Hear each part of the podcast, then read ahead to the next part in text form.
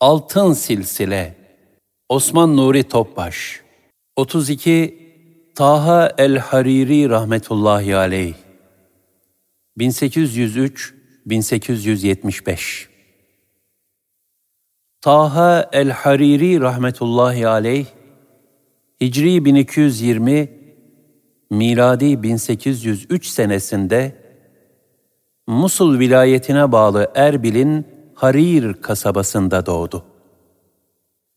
İlk tahsilini Erbil'de yaptı. Kur'an-ı Kerim'i hıfzetti.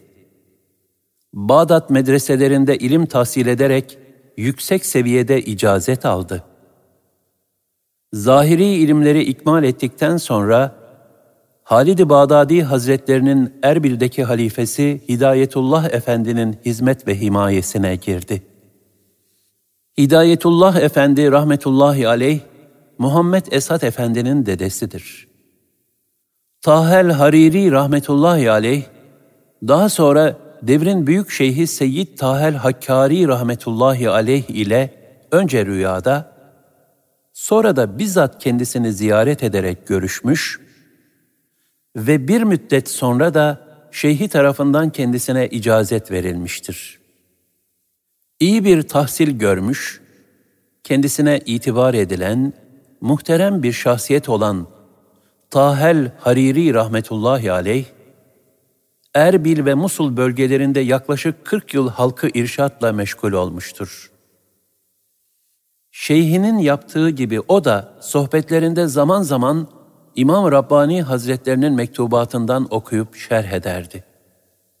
Zamanın irşat kutbu olan Tahel Hariri rahmetullahi aleyh, Hicri 1292, miladi 1875 senesinde vefat etti. Kabri Harir'dedir. Tahel Hariri rahmetullahi aleyh, vefatına yakın, kendi yerine halifesi Muhammed Esat Efendi'yi bırakmak istediğini beyan etti. Esat Efendi rahmetullahi aleyh ise bu mühim vazifenin üstadının oğluna tevdi edilmesini istirham etti. Şeyh Taha rahmetullahi aleyh, oğlum ben varken vardır, benden sonra o da yoktur. Siz layık olduğunuz için bu emaneti ben size tevdi ediyorum buyurdu. Hakikaten Tahal Hariri Hazretlerinin buyurduğu gibi, oğlu kendisinden altı ay sonra vefat etti.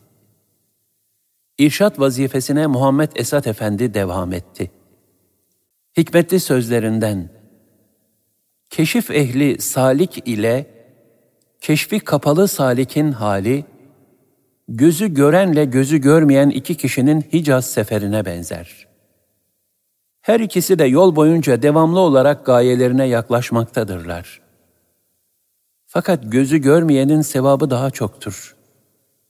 Seyr-ü sülükte de keşfi olmayan salik her ne kadar görünmüyorsa da devamlı terakki halinde olduğu için keşfi açık olandan daha kazançlıdır.